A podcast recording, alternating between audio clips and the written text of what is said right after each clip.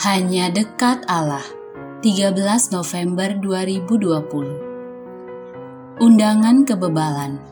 Amsal 9 ayat 13 hingga 18.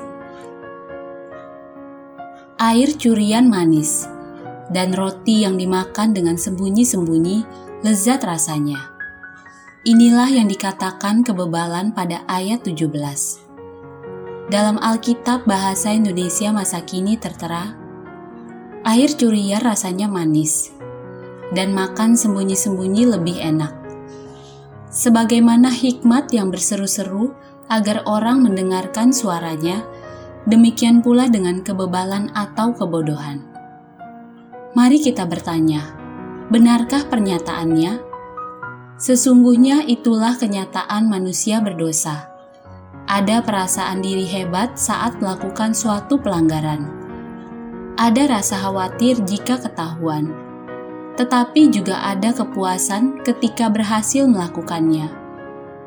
Makan mangga curian itu terasa lebih menyenangkan ketimbang makan mangga yang dibeli di pasar.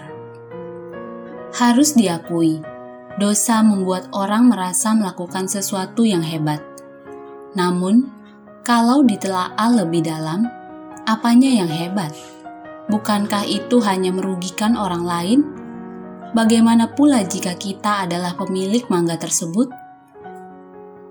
Penulis kitab Amsal dalam ayat 13 hingga 15 Alkitab Bahasa Indonesia masa kini menyatakan kebodohan adalah seperti wanita cerewet yang tidak berpengalaman dan tidak tahu malu Tempatnya ialah di pintu rumahnya atau di pintu gerbang kota.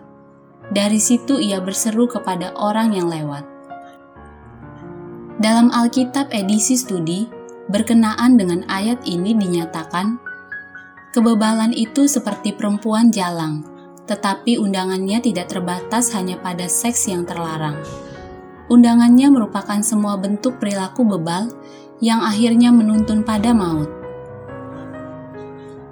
Di dunia ini, hikmat dan kebebalan sama-sama berseru, sama-sama mencari pengikut. Pertanyaannya sekarang, mana yang hendak kita dengarkan? Salam semangat dari kami, Literatur Perkantas Nasional. Sahabat Anda bertumbuh.